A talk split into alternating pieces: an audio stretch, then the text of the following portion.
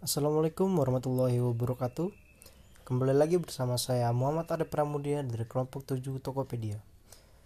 Pada kesempatan kali ini saya akan mereview materi yang tadi disampaikan pada hari ke-6 masa bimbingan. Dengan judul materi kecerdasan, spiritual, dan emosional.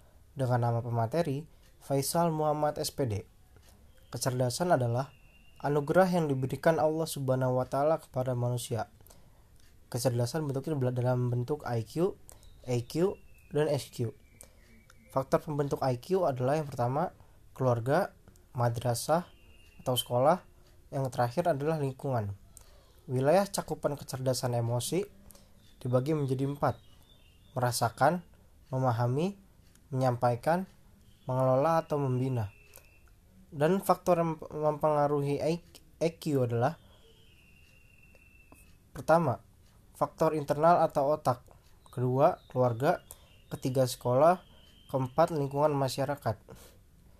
SQ atau kecerdasan spiritual atau tentang keimanan ini adalah kecerdasan yang tertinggi yang dimiliki oleh setiap manusia. Ketika kita mempunyai IQ tinggi namun EQ rendah, kita mampu berpikir namun tidak mampu menyampaikannya.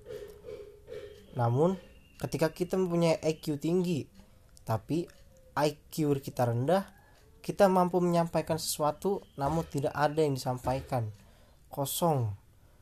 SQ lah yang harus ada dalam diri kita agar IQ dan EQ seimbang.